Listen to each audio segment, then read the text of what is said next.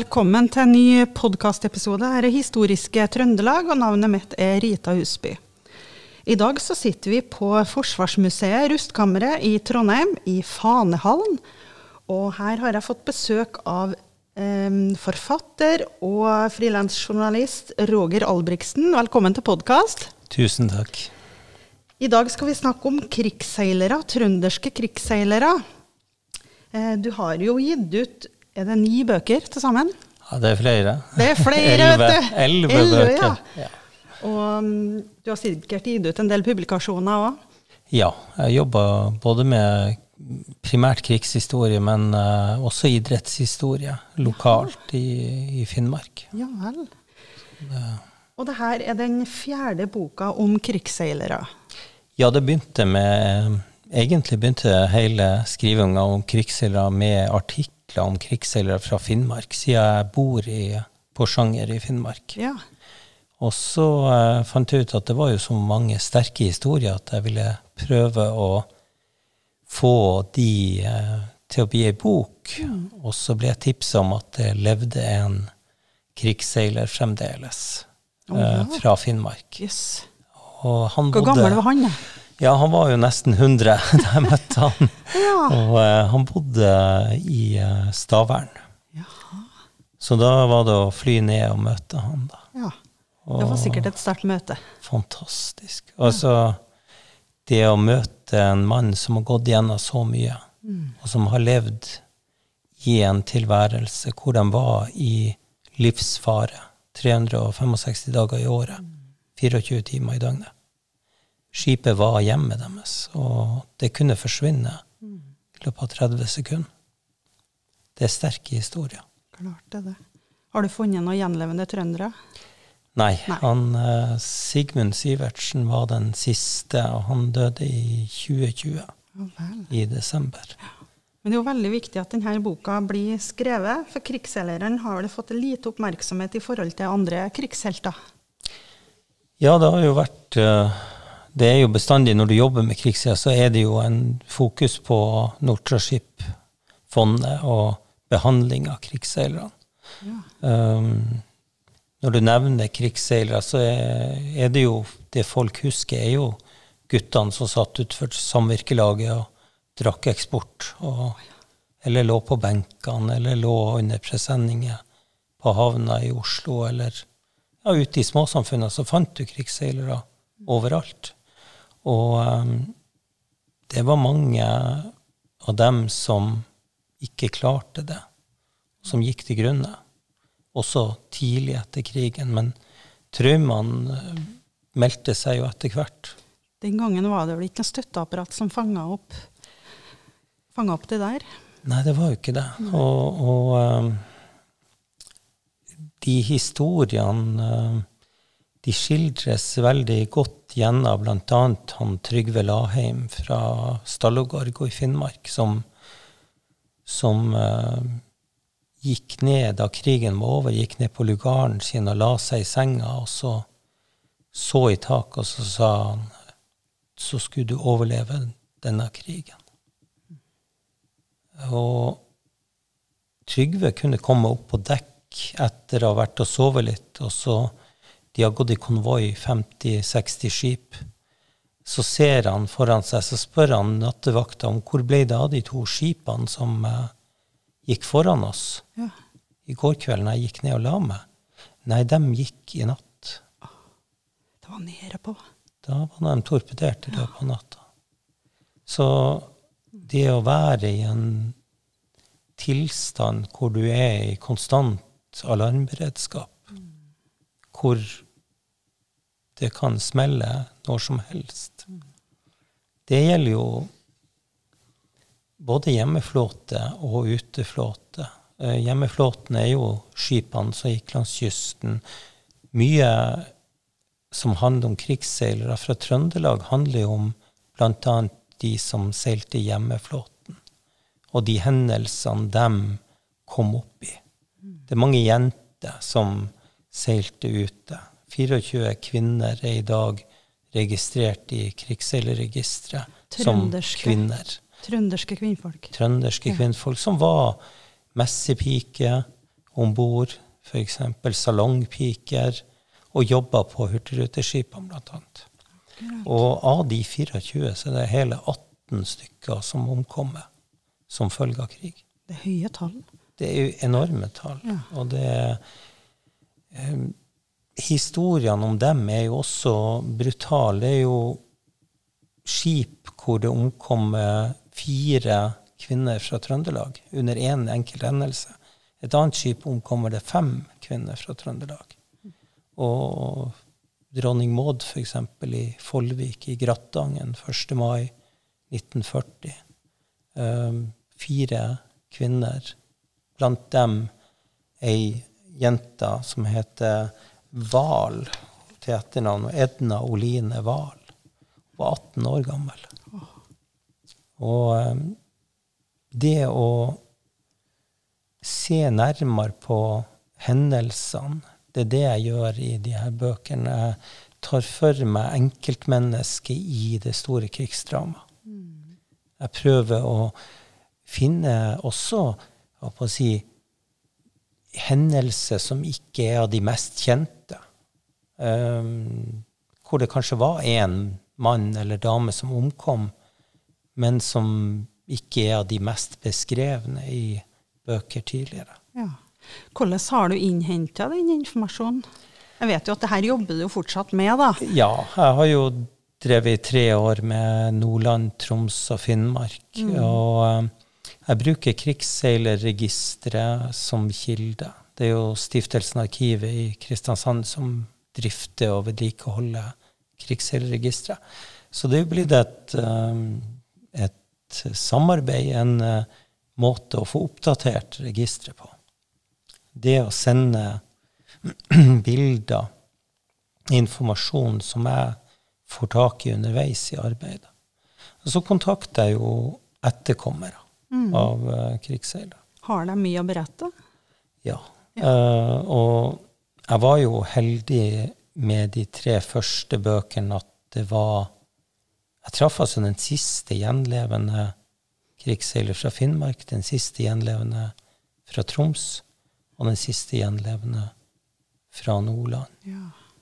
Og nå i dag så er det bare han i Nordland som lever.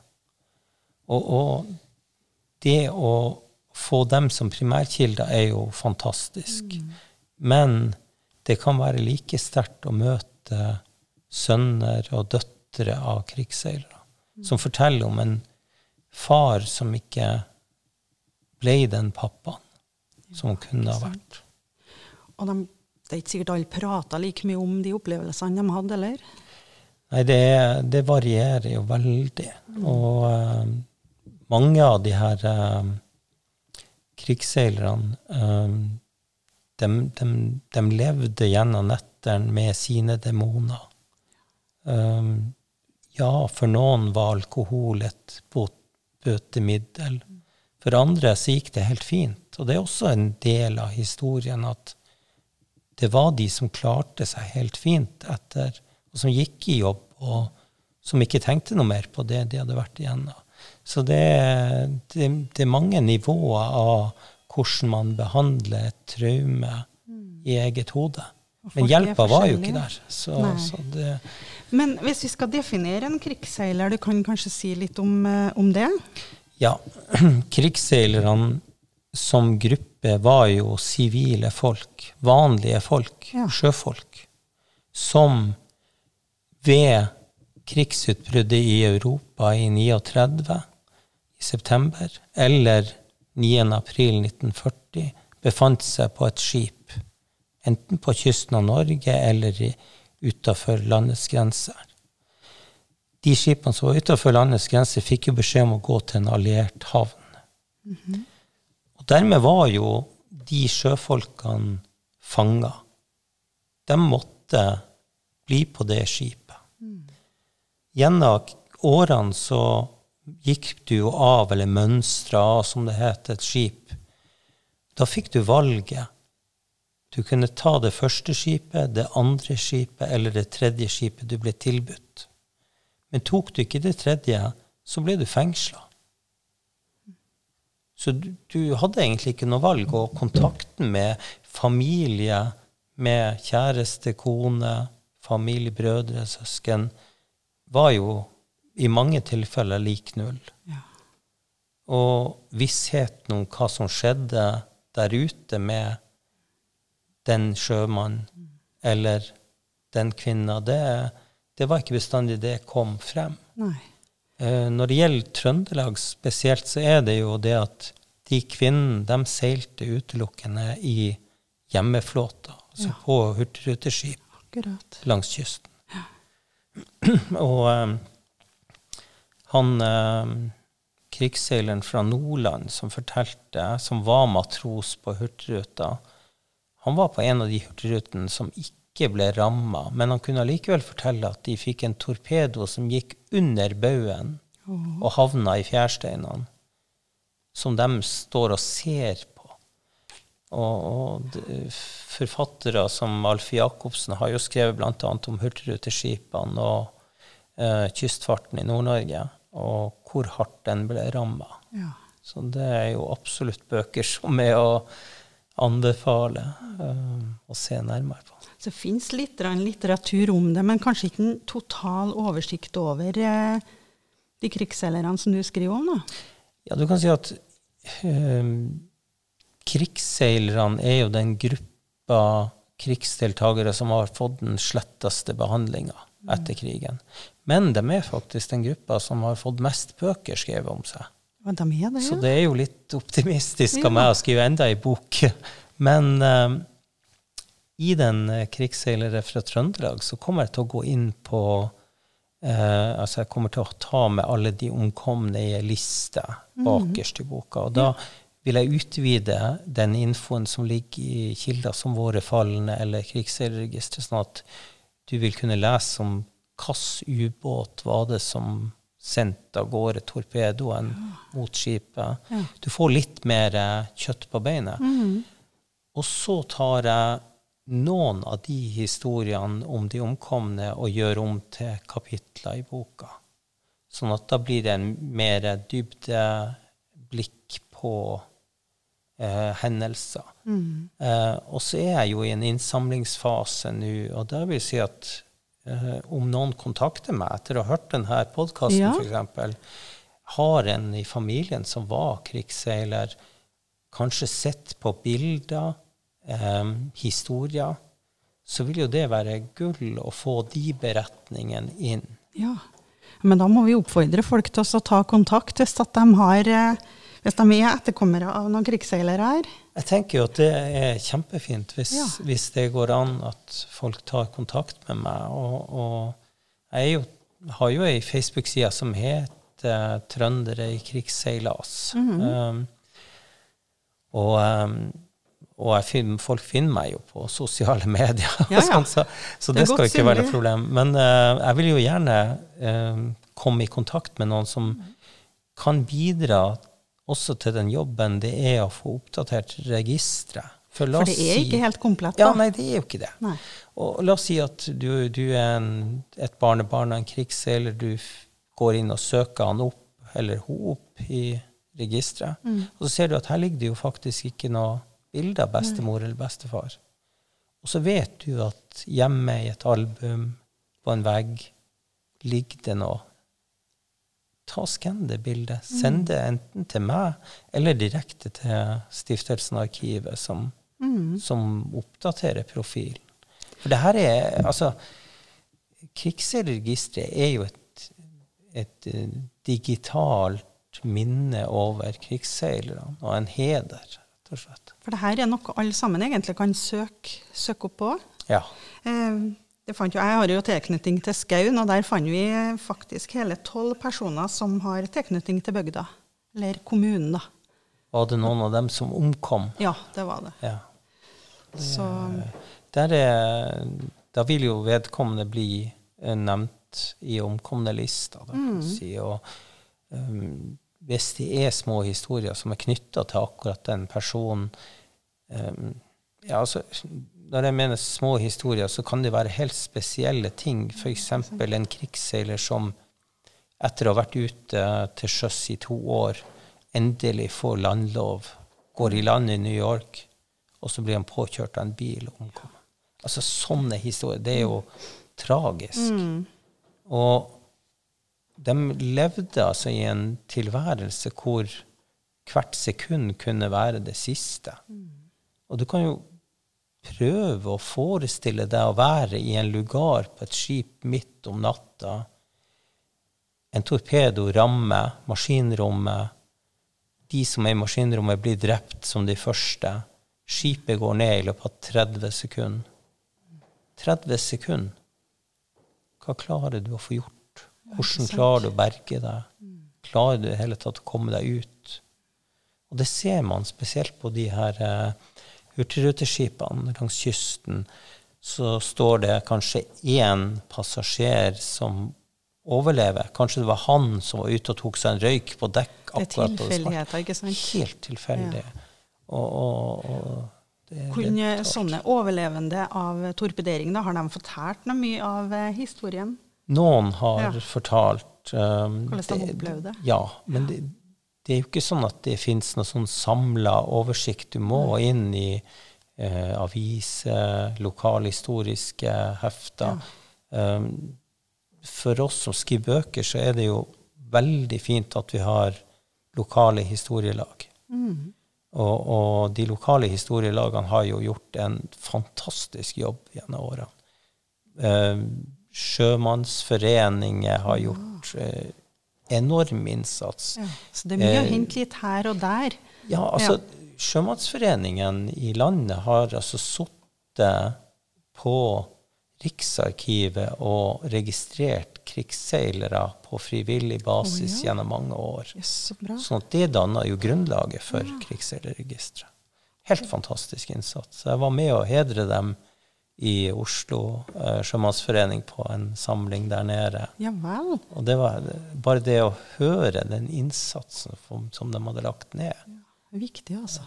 Ja, det Når du har et digitalt monument som krigsregisteret, så er det viktig at man bruker det. Mm. For selve registeret kan du jo søke på navn, og du kan søke på skip, men det ligger jo flere tema også ute der som man kan studere nærmere. Det ligger undervisningsopplegg for skoler.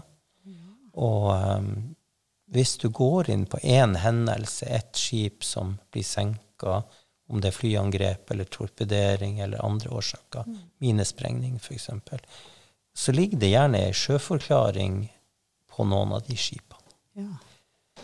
Og da jeg jobba med de første tre bøkene uh, og leste altså, krig, sjøforklaringer på de her tre første under arbeidet med de tre første bøkene, så var det å lese sjøforklaringer det var brutalt. Altså, det, jeg måtte glemme et kapittel etter at jeg hadde skrevet det, før jeg fortsatte på det neste. Det var såpass sterkt. Ja, det er du, unge menn og gutter som har sitt livs verste opplevelse, um, og så skildrer det bare timer og dager etter at det har skjedd. De har kanskje sett sine kamerater bli sprengt i filler sett dem hoppe ut som levende fakler fra en oljetanker i brann. Eh, sett dem ligge i sjøen og ikke kunne stoppe for å hjelpe dem fordi konvoiene måtte gå hele tida. Det var ikke noe mulighet. For stoppa du et skip i en konvoi når et annet var torpedert, så risikerte du å være neste. Å leve med den der eh, det å høre skrikene, det, det, det gjør jo bl.a. filmen 'Krigsseileren'. Trekker jo frem det i åpningsscenene. Ja. Hvordan folk ligger i vannet og ikke kan bli berga. De klarer å få opp noen bare ved at noen ber dem stoppe et skip. Men det var ikke gjengs. Altså, konvoien måtte gå videre. Ja. Hva syns du om filmen? Jeg syns den uh, var veldig sterk. Du syns det, ja. Eh, den, de har fått med seg essensen og fått, uh, fått frem budskapet? Ja, hvis jeg skulle ha satt fingeren på noe, så tenker jeg at uh, fått fram mer av hva det ville si å leve i en sånn konstant alarmberedskap. Det kunne man ha skildra bedre. Jeg snakka med en, eh, en eh, etterkommer av en krigsseiler, og han sa at han, han eh, krigsseileren han la seg om kvelden i pysjamas, ikke i redningsvest. Han la seg i pysjamas. Jeg sier i pysjamas, hvordan det? Nei, han gikk på ammunisjonsskip, og han visste at hvis det smalt, så var det slutt. Ja. Og så det som menneske å, å, ta en sånn erkjennelse innover deg at OK, jeg går i ammunisjonsfart, og smeller det, så er det over. Mm. Så vi tar det helt rolig. En del av dem som overlevde, de ble jo hedra og dekorert. Vet vi noe om det er noe mye trøndere som ble eh, dekorert? Ja, altså Det finnes oversikter over uh, dekorasjoner. Men uh, jeg må nå ærlig talt si at for mange av krigsseilerne så ble de dekorasjonene kasta av dem sjøl. Oh. De ville ikke ha dem. Ikke det? Og det handla jo også om den behandlinga de fikk med Nortraship-pengene, og at det gikk så mange år før det. Mens det var andre som tok vare på eh, medaljer. Og det er jo, for mange etterkommere er jo medaljene det synlige minnet på det som har vært. Ja, ikke sant? Eh, en av de utmerkelsene som ble utdelt under krigen, var jo såkalte torpedomerker. Da fikk du én torpedomerke for hvis du hadde overlevd én torpedo, én uh, torpedering. Ja. Uh, to og tre. Uh, det ble aldri laga for fjerde, men det fins eksempler på krigsseilere uh, som, har som, har opplevd fire torpederinger. Altså, og, og, som jeg sier, jeg er jo i innsamlingsfasen på mm. det her og skal jobbe den utover våren. Og, og uh, det er jo Plutselig dukker det opp sånne helt unike historier som mm ikke har vært skildra før. Og det er jo de jeg ja, måte syns eh, blir de mest lesbare. Mm. Og så er jeg jo veldig opptatt av at det her skal være lesbart. Det skal være lettlest. Det skal være bøker som har mye illustrasjoner. Mm. Og, og, du har innhenta mye bilder, sa i de eh, tre tidligere bøkene dine her om krigsseilerne. Ja, det er mye bilder mm. og mye jobb med bilder. Og det er også sånn at hvis du kommer på sporet av en historie, og de kanskje ikke har de bildene du mm. trenger, så må du gå videre til neste historie. Mm. Og det har jeg opplevd mange ganger at uh, jeg har begynt la oss si med 50 historier, og så jobba meg nedover. Oh, ja. Fordi da mangler det bilde av et skip. Mm. Eller jeg har ikke fått tak i noen som kan fortelle noe mer. Nei. Men eh, var det mange menn totalt, da? Fra Trøndelag? Ja. Eh, 1709 menn eh, registrert per i dag i krigsseilerregisteret. Ja, men det kan jo være flere, da? Ja, og ja. det, det litt, handler litt om at uh, det jobbes stadig med å oppdatere og utvide. Og uh, et av de temaene som kanskje ikke er behandla godt nok til nå, det er jo hjemmeflåten. Altså nettopp de her små kystskipene og de større hurtigruteskipene, mm. fraktebåtene. Det som er med krigsseilerne i hjemmeflåten, er jo at mange av de er kanskje ikke registrert, så tallet 1709 eh, kan økes. Og man jobber i dag med et prosjekt på Stiftelsen Arkivet i Kristiansand hvor man skal se nærmere på hjemmeflåten. Jeg håper jo at vi da klarer å få tak i flere navn. Mm. Eh, eh, men av de 1709 som er registrert per i dag i krigsregisteret, så er det jo 345 som omkommer. Ja. Og det er Men, store tall, det òg. Ja, det er over det. Så. Men kan du si litt om hvordan, eh, Hvilke oppgaver hadde de da på skipene? Hvilke stillinger hadde de? Ja, det er jo et vell av oppgaver. Jeg må jo si at uh, en av de store inspirasjonene mine når jeg, når jeg jobber med de bøkene, det er å lese Jon Michelet sin romanserie. Å, ja. Å kunne gå, uh, på en måte gå inn i det, hvordan det var å være ung gutt og gå om bord i et skip første gang, og ende opp på dekk eller i byssa, eller om du var skipsfører, om du var vanlig matros da. Ja. Altså, det er jo en rekke oppgaver som skal utføres på et skip i fart. Og, og um, på mange måter så er det jo eh, Altså, på, på alle måter så er det jo sånn at de er jo i akkurat samme situasjon. De er jo på et skip i fart, og det er uh, om de har eh, den eller den funksjonen, spiller ingen rolle da det smeller. For da, da er du ferdig. Altså, jeg sa jo litt innledningsvis at krigsseilerne var jo eh, om bord på skip enten i 39 eller 9. april 1940 og havna sånt. Men det var jo også eh, folk som ble krigsseilere etter å ha flykta over til Sverige, f.eks. Oh, ja, Og som reiste over til England og meldte seg til tjeneste. akkurat. Men finnes det en oversikt over dem? Det fins oversikter Ja. over både folk som havna i Shetlandsgjengen, Ja, ja, ja. sånne ting. Altså, så så jeg har jo i eh, Nordlandsboka har jeg jo et eget kapittel om Shetlandsgjengen, hvor jeg nevner da de fra Shetlandsgjengen som, som var fra Nordland, Troms og Finnmark. Så, så bøkene går litt inn i hverandre. Og, og d- når jeg skriver det om trønderne, så er det jo litt sånn spesielt, for jeg kunne jo selvfølgelig bare tatt en dramatisk hendelse og bytta ut finnmarkingen med en, Ja, sant? med en Men- trønder. Det ble for enkelt, dette. det blir litt for enkelt. Så, um, så i dag så har jeg vært uh, på Sjøfartsmuseet Ja. og vandra litt og fått litt inspirasjon og møtt meg litt i døra på skipet jeg har behandla før. Og det var veldig artig å se.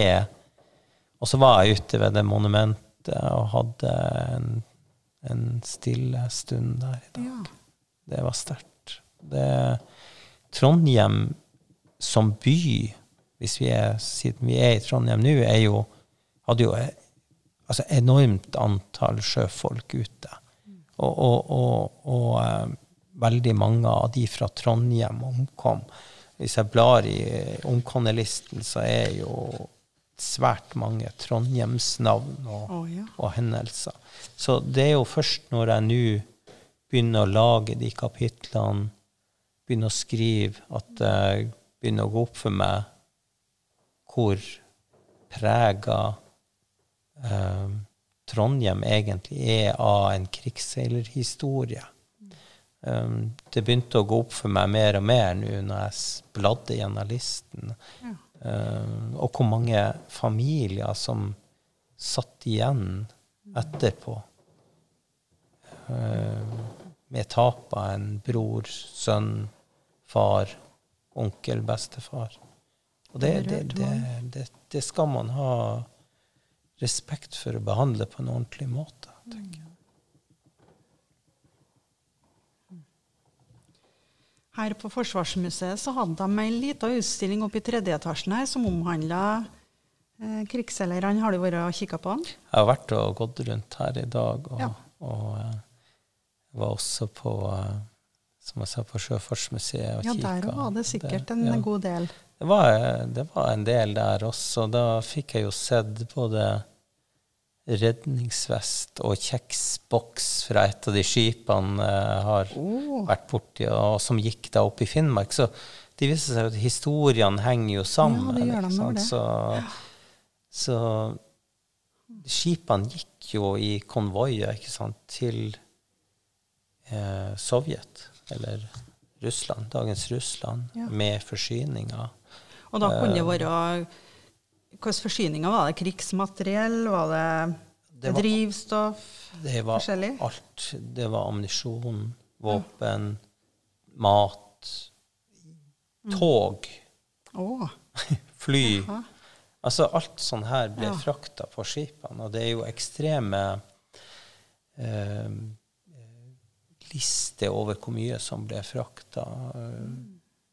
Jeg vil anbefale en uh, film som heter 'Med æren i behold', Ja. som gikk en dokumentar om krigsseilerne. På Um, NRK, eller? ja, den gikk på NRK. Den, Det blir veldig spennende. ja, det er jo en, hver bok er jo en uh, prosess, og veien blir jo til mens du går. Og, og, uh, men det å oppleve at interessen for krigsseilerne er såpass sterk. Jeg er jo heldig. Jeg er jo, for å bruke maritimt uttrykk, litt i kjølvannet av filmen Ja. 'Krigsseileren'. Mm. Det var liksom i Eh, rett tid. Ja, i rett Ja. tid. Uh, så, så det føles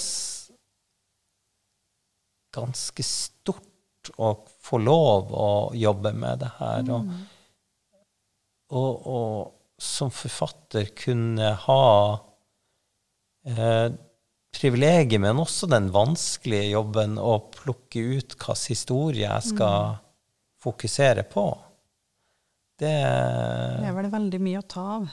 det er mye å ta, og, og, og um, vi er nå en gang mennesker. Vi er jo opptatt av våres nære For det her er jo nær forhistorie.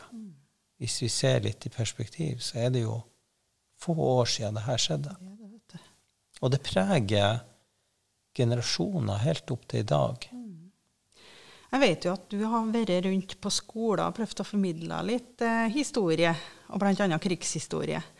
Eh, og hvordan gjør en det til unger? For at det ikke skal bli Hvordan kan en fange eh, interessen til, til barn og ungdom, da? For meg så har jeg brukt drama i formidlinga. Um, så la oss si at jeg skulle snakke om krigsfanger, sovjetiske krigsfanger. Ja. Så har jeg tent et lys i klasserommet som har vært mørkt ellers, og så har jeg kledd meg ut, rett og slett, i en såkalt budjonovka oh, ja. med noen filtposer på beina. Og så har jeg vært i formidling av den ene krigsfangen og fortalt hans historie fra han ble tatt til fange på slagfeltet, ført til Tyskland, og da endte opp i Norge, hvor han forsøkte å flykte, men ble tatt og skutt. Og så blåser jeg ut lyset. Og så drar jeg opp bilder fra krigsfanger. Da har du fanga interessen. Ja, og, og Ja. det samme tenker jeg med krigsseilerne, at uh, man må ha noen virkemidler Mm. Viktig, som. Mm. som fenger ungdommen. Um, jeg har jobba litt med et eh, undervisningsopplegg som går på tegneserieformat, men det får bli noe vi kan snakke om seinere. Ja, ja. tenker. Nei, men det er viktig å få formidla eh, denne historien og inn til de, den yngre generasjonen òg. Ja, det er viktig av flere grunner. Det, det første er jo at det er jo vårt folk. Det er vår historie. Det er, det er våre forfedre det handler om. Og så er det en generasjon som nå snart er helt borte. Og det å formidle uansett er jo en måte å holde livet i minnet om de som gikk før oss. Og så er det jo det at enhver formidling gjør jo at kanskje ett eller to eller tre mennesker får sjøl lyst til å begynne å jobbe med det her. Lenge etter at både jeg og du er borte fra denne verden, så er det noen som kanskje har vært på en forelesning, hørt på en podkast, som får lyst til å jobbe med historie. Det er Viktig, godt. viktig arbeid du gjør. Takk. Jeg sier tusen takk for praten. Så anbefaler vi folk til å kjøpe boka når den kommer i august i år. Takk skal du ha. Takk skal du ha.